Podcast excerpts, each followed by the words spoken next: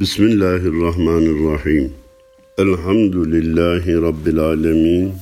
Ve salatu ve selamu ala Resulina Muhammedin ve ala alihi ve sahbihi ecma'in.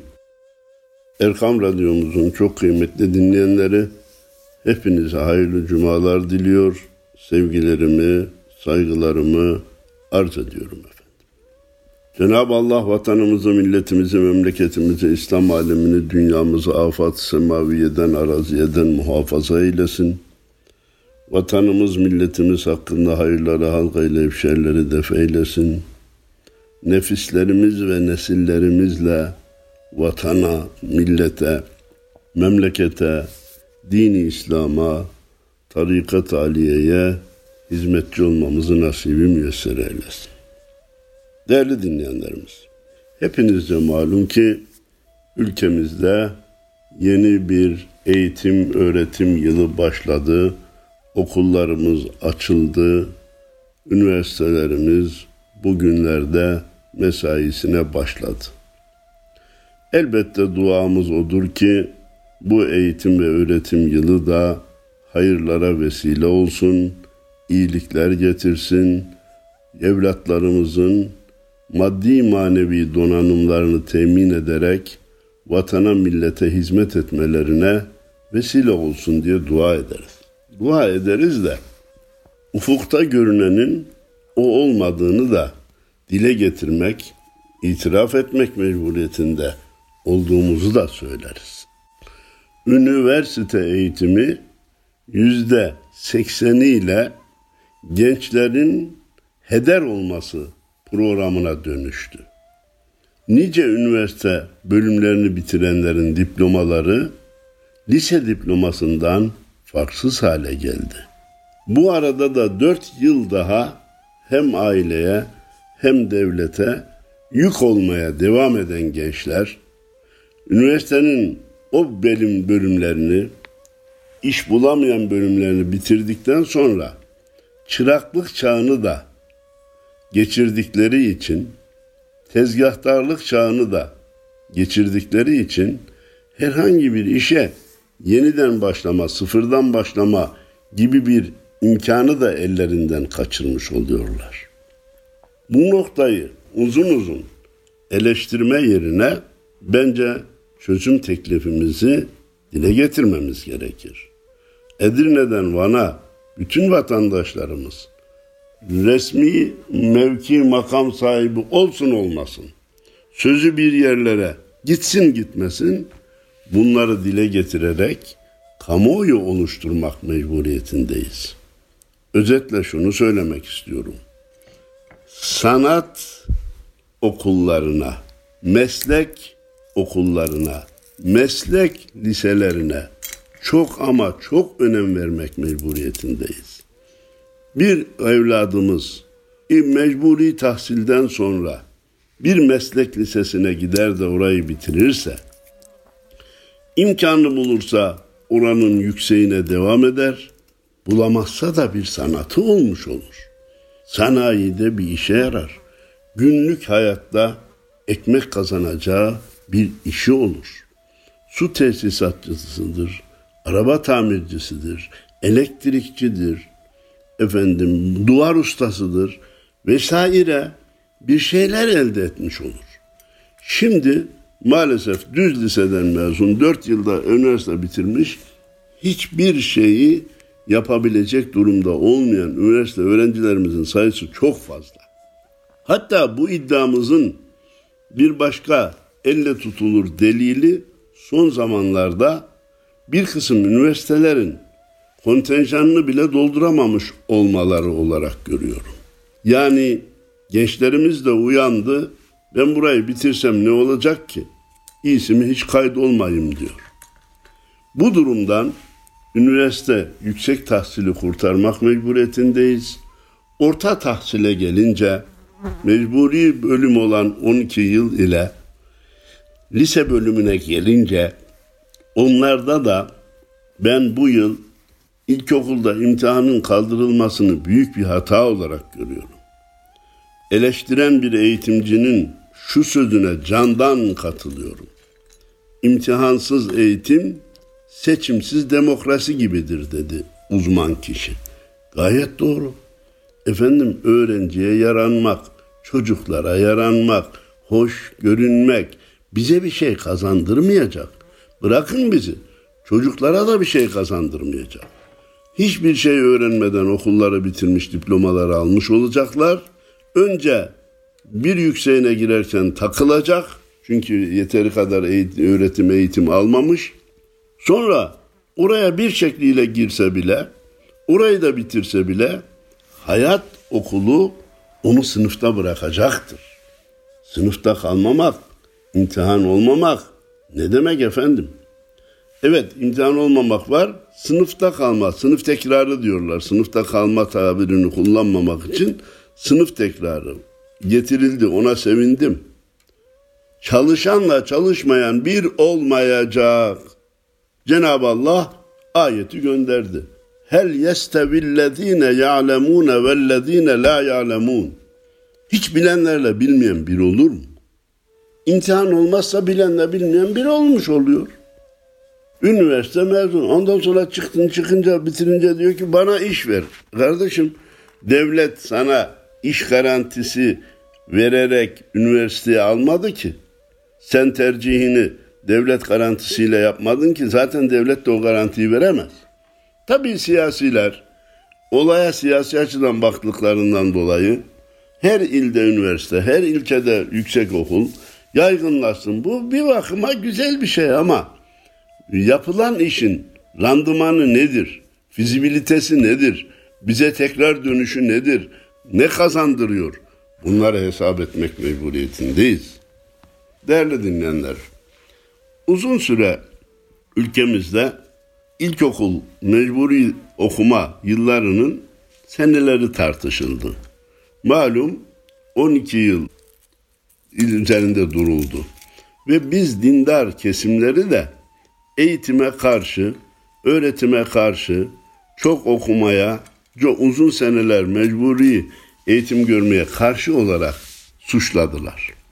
Biz dedik ki, hayır bu formülün içinde İmam Hatip okullarını ve hafızlık müessesesini engelleme fikri vardır.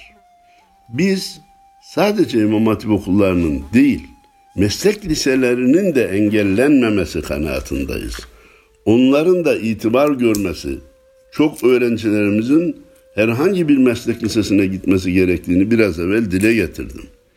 Onlar sırf İmam Hatip'i engelleyelim derken bütün meslek liselilerini engellediler.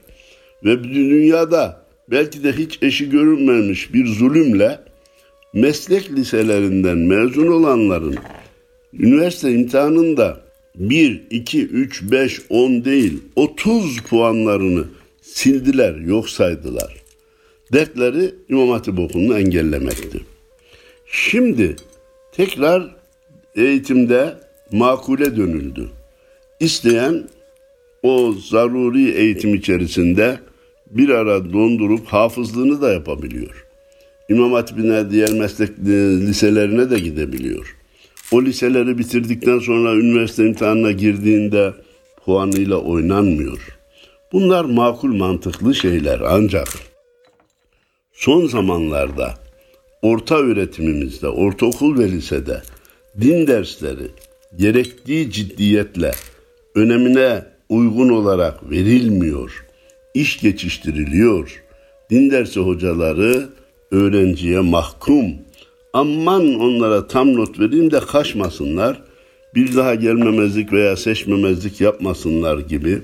Her ne kadar din dersi mecburi ise de işte ahlak dersi mecburi olan din dersinde bile zayıf verirsek e, dinden soğurlar. Ya böyle bir şey olur mu?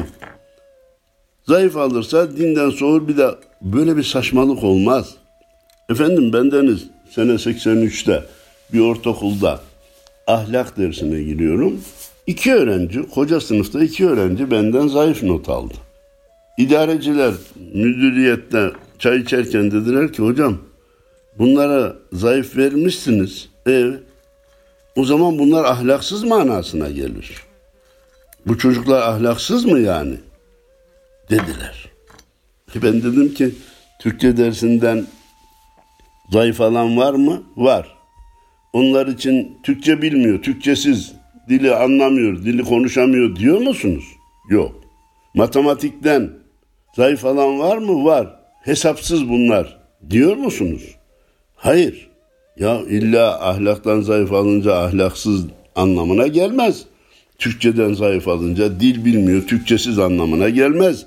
Matematikten zayıf alınca hesapsız anlamına gelmez. Aynen onun gibi. Şimdi efendim din dersinden zayıf verirsek dinden soğur. Böyle kullara Allah'ı eleştirme hakkını verdiğiniz zaman işin sonu gelmez arkadaş. Kullara dini eleştirme hakkı, dinden soğuma hakkını verirseniz sonu gelmez. Hiç korkmadan, çekinmeden realist olarak Allah'a inanmaya mecbursunuz. Resulullah'a inanmaya mecbursunuz. Dinin hükümlerini kabule mecbursunuz diyeceğiz. Kime diyeceğiz? Kendi iradesiyle Müslümanlığı kabul edene diyeceğiz. Ben Hristiyana sen mecbursun demiyorum ki. Yahudiye puta tapana, güneşe tapana sen mecbursun Kur'an'a inanmaya demiyorum ki. Adam Müslümanım diyor. Kardeşim Müslümansan Allah'ı eleştirmeye hakkın yok. Bunu kabul et. Sen kulsun, ben kulum, aciziz. Acizlere kudret sıfatı verirseniz anarşi doğar. Şu anda işte orta eğitimde bilhassa bana göre söylenilen abartılan ölçüde değil ama ateizme, deizme doğru bir eğilimin olduğu söyleniyor. İşin aslında ne yatıyor?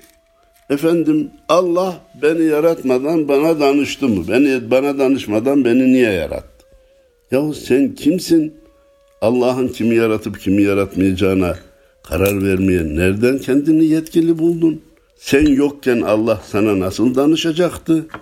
Seni yaratmış bunca nimetleri vermiş. O nimetlerin kıymetini kadrini bilip şükretme yerine beni yaratmasaydın bana mı danıştın gibi kendini putlaştıran, nefsini ilah edinen, kainatın merkezine kendini koyan bir anlayışa bizim müsamaha göstermememiz lazım. Biz şimdi ateist veya deistim diyen öğrenci veya gencin karşısında iki büklüm oluyoruz. Aman evladım, yapma yavrum, böyle değil. Oğlum, bunca kainatın tesadüfen oluşacağına, yaratıcısız meydana gelebileceğine inanıyorsan sen ahmaksın.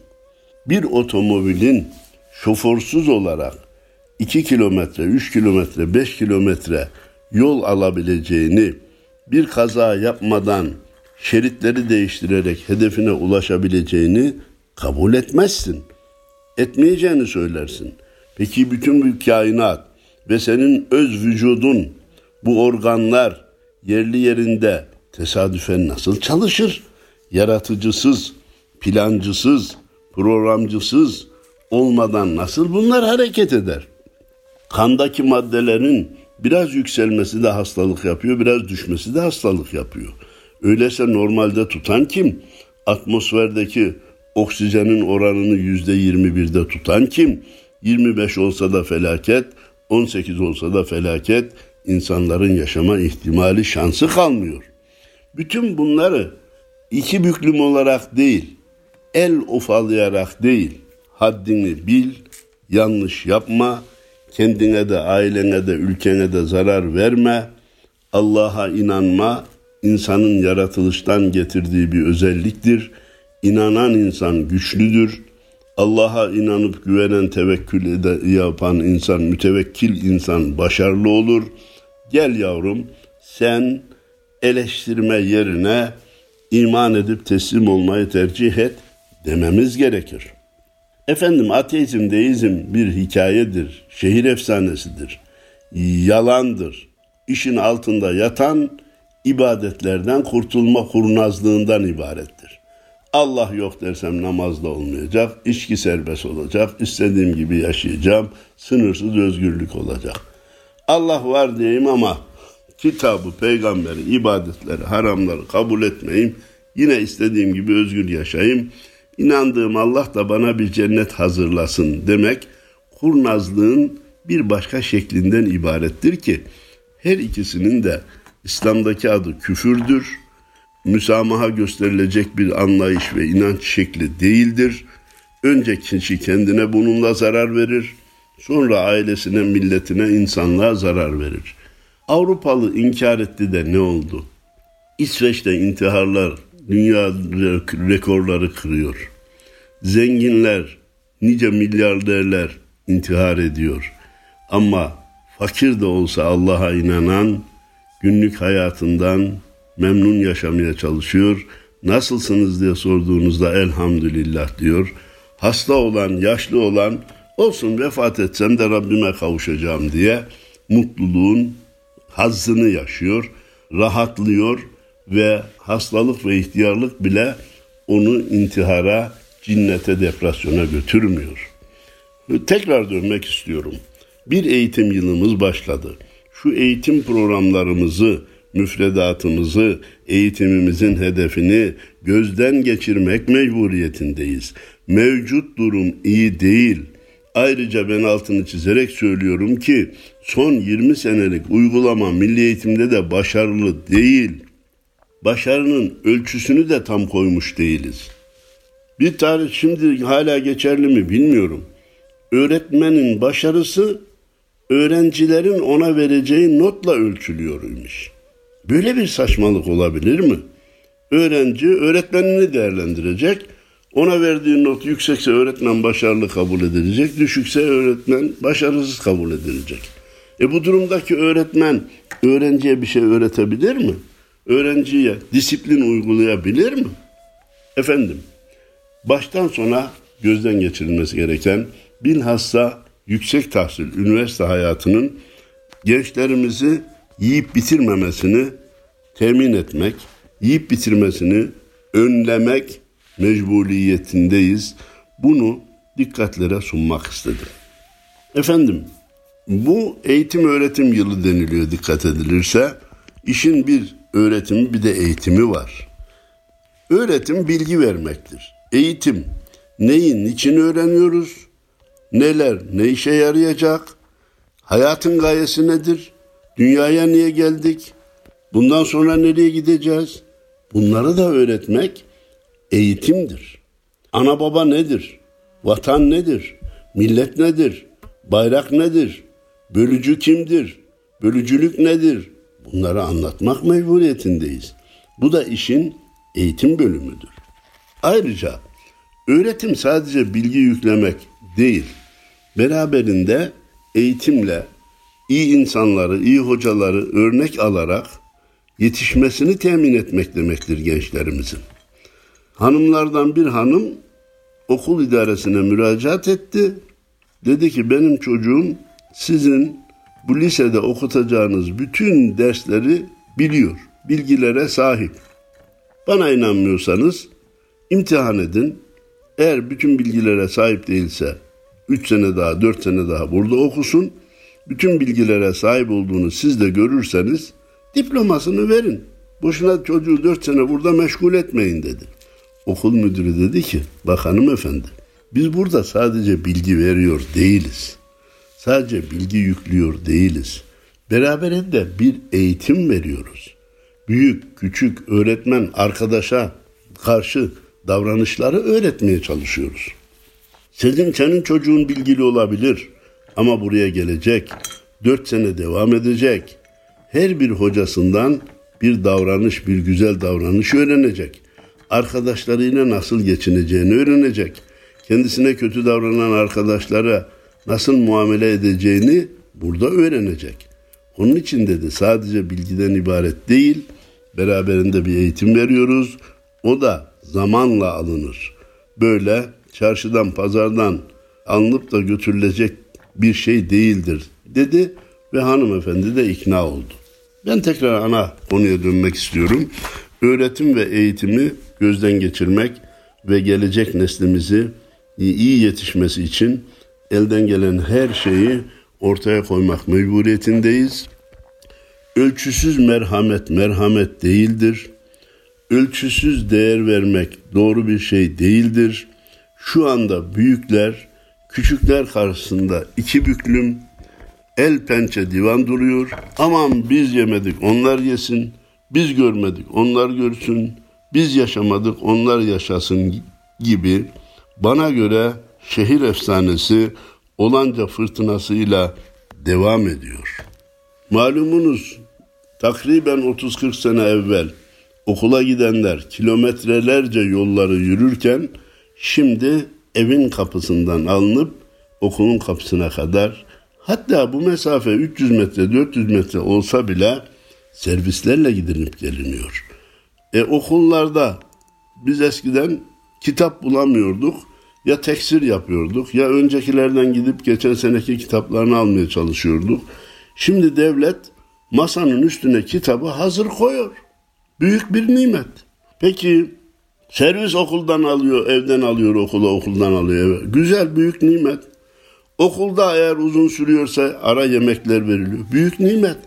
Bütün bunlardan sonra çocuklar ne yapıyor? Ellerinde birer bilgisayar, birer cep telefonu. Anneyi babayı da ödev yapıyorum diye kandırarak kendi arzularının peşinde ödevleri yapmadan okula gitme sorumluluğunu rahatça yerine getirebiliyorlar. Bundan hiç rahatsız olmuyorlar. Sonra e, sene biterken zaten öğretmen de zayıf vermeye korkuyor, normal veriyor. Zayıf verince aman kızmayın, sakın eleştirmeyin, çocukları üzmeyin. Telkinleri medyada devam ediyor. Hülasa şu ki bu tren kötüye gidiyor değerli dinleyenlerimiz. Bu trenin raylarını değiştirmek lazım. Yanlış açılı raya oturtuldu. Öyleyse bu tren doğru hedefe gitmez. Efendim biraz evvel dedim ki bizi eğitime geç başlatmak veya az eğitim yaptırmakla suçluyorlar. Bizim dinimizde eğitim beşikte başlar. Minel mehd utlubul ilme minel mehdi ilel lahd buyurmuş Efendimiz baş öğretmenimiz. Beşikten mezara kadar ilim tahsil edin, öğrenin demiş. Şimdi hatta bir tartışmalı bir konu bana göre ana karnında da bir şeyler öğretilmeye başlanmış. Bana göre o iyi bir müdahaledir. Onun ileride sakıncaları doğar. Şimdi doping hafıza diye bir şey çıktı. Güya kısa zamanda çok şey öğretiyor. Hayır hayır bunlara iltifat etmeyin. Konulan ölçüleri, her şeyin bir tabiatı var. Her şeyde bir nizam var. Her şeyin bir vakti var. O vakitler verilmeden kısa zamanda netice almaya çalışmak randımanı düşürdüğü gibi ileride yan etkilerinin de büyük zararlar getireceğini unutmamamız lazım. Bizim baş öğretmenimiz Beşik'ten mezara kadar dedi. Beşik'teki çocuk bir şey öğrenir mi? İsmini korken ezan ve kâmet okuyoruz. Eğitim başlıyor, öğretim başlıyor. Daha sonra anne baba demeye başlıyor. Allah peygamber dedirtmeye çalışıyoruz. Duaya, namazın nasıl kılınacağını görerek taklit etmesini temin etmeye çalışıyoruz. Biz de eğitim Beşik'te başlıyor. Ha mezara kadar biz o anlamda diyoruz ki bakın yaz Kur'an kursları açılıyor bütün camilerimizde müracaat eden herkese Kur'an eğitimi, din, din bilgisi, ilmihal bilgisi veriliyor. Benim yaşlım yaşım geçti demeyin. Kur'an okumayı bilmiyorsanız hemen müracaat edin. Camilerin hepsindeki kardeşlerimiz, görevli arkadaşlarımız size öğretmeye hazır. 75 yaşında bile Kur'an'ı öğrenmeye başlayıp da başaran insanlar var. Peygamberimiz mezara kadar dedi. Hiçbir yaş öğretim için geçmiş bir yaş değildir diyoruz. Efendim, dinimizin ilk emrinin oku olduğunu bilmeyenimiz yok. Ama genel kanaat nedir? En az kitap okuyan belki dünya ülkeleri içerisinde İslam ülkeleridir. Alem İslam'dır. Belki alem İslam içerisinde de illa Türkiye en az okuyan demem ama az okuyanlardan biriyiz. Son zamanlardaki videolar göze hitap eden şeyler artınca vatandaş hiçbir şey okumayı istemez hale geldi. Okuma can sıkar hale geldi. Okumak güzel şey de çok kitap okuyalım doğru da hangi kitap okuyacağız? Neleri okuyacağız? Ve hangi sırayla okuyacağız? Bunun da tespiti çok önemli. Henüz lisede 35 farz dediğimiz dinin mükellefler için yapması gereken şeylerin neler olduğunu bilmiyor. Namazın farzlarını say deseniz sayamıyor. Oruçta kefaret gerektiren şeyler neler deseniz cevap veremiyor. Hocam ben Fütuhat-ı Mekkiye'yi okudum. Ya sen kardeşim onu okuyacak seviyede değilsin ki. Niye oradan işe başladın? Oradaki bazı tırnak içinde söylüyorum sivri fikirler hoşuna gitti. Kavrayamayacağı fakat hoşuna gidip biraz nefsini de tembelleştirecek bazı cümleler vardır orada geçer. O ehlince malumdur. O sana bana göre değildir. Evvela bir Kur'an-ı Kerim meali, sonra bir ilmi hali baştan sona okuma, sonra Efendimizin hayatını baştan sona okuma, sonra İslam alimlerinin hayatlarından örnekler okuma, Evliyaullah'tan menkıbeler okuma veya dinleme eğitimimizde ve öğretimimizde dikkat etmemiz gereken sırayı oluşturmalıdır. Her şeyi oku değil, sana faydalı olanı okuyacaksın. Seni raydan çıkarmayanı okuyacaksın. Enaniyetini pompalayanı okumayacaksın. Seni kibre gurura götüreni okumayacaksın. Seni ateizme deizme göndereni okumayacaksın. Allah var mı yok mu? Bir adam bir kitap yazsın. E bunu okuyalım. Ne oldu? Kitap mı okumuş olduk? Hayır. Fesada zemin hazırlamış olduk. Dinin konuları tartışılır mı? Aç kitap yazdık, bir kitap yazıldı, bunu oku. Adam ne diyor içinde? Tartışmak lazım, aklına uyanı kabul etmek lazım, uymazsa kabul etme. Ne oldu şimdi? Bu kitabı okumak bize fayda mı getirdi, zarar mı getirdi? Evet, ilk emir oku ama ne diyor devamında? İkra bismi rabbikellezi halak. Seni yaratan Rabbin adıyla oku demek. Sadece besmele çek ondan sonra hangi kitabı okursan oku demek değil.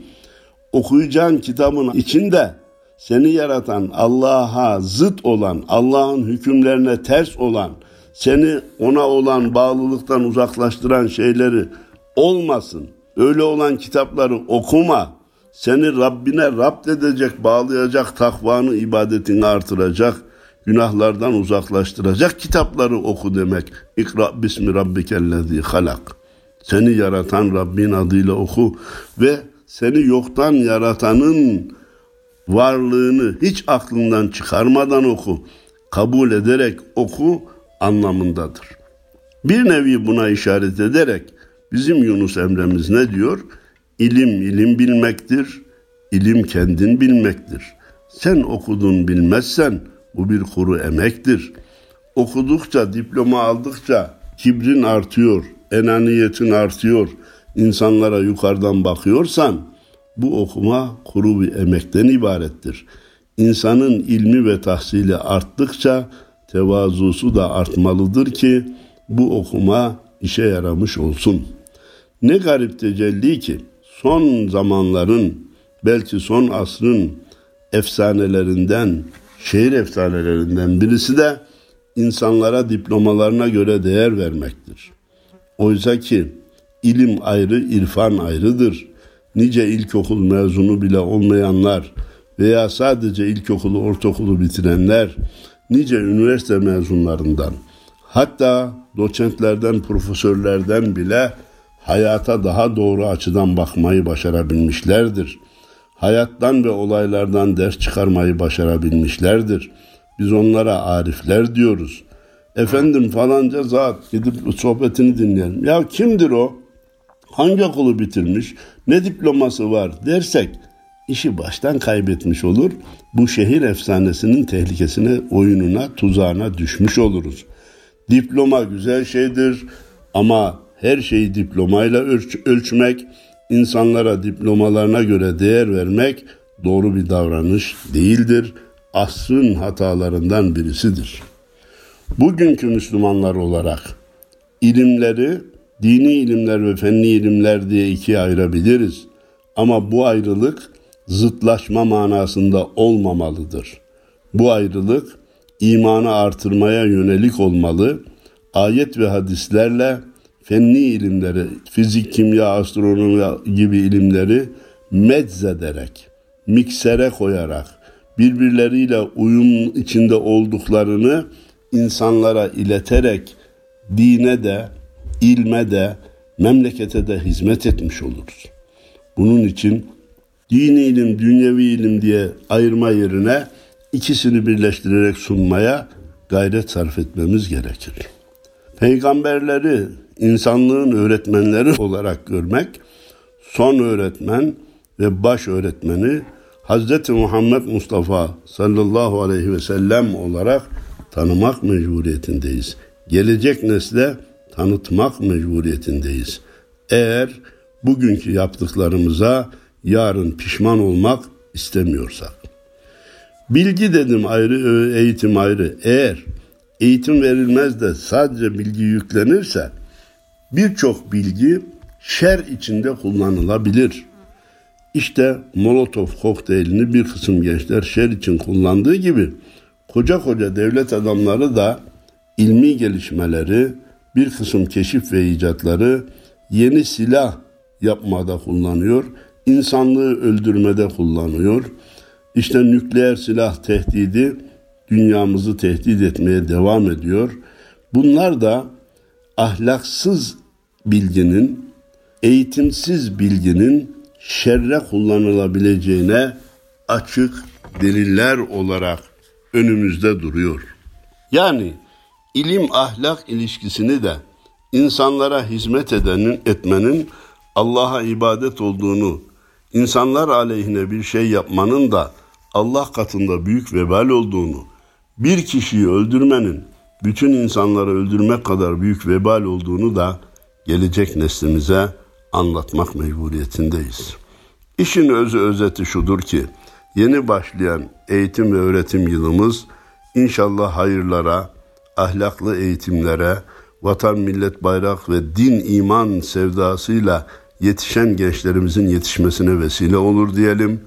Gözden geçirelim, yanlışlarımızdan vazgeçelim, doğruları artıralım, çocuklar ve gençler karşısında iki büklüm olmaktan vazgeçelim, hatalarını, yanlışlarını onlara rahatlıkla anlatalım ki hem onları hem aileyi hem milleti kurtaralım diyor. Hepinize hayırlı cumalar diliyor. Saygılar sunuyorum. Allah'a emanet olun efendim.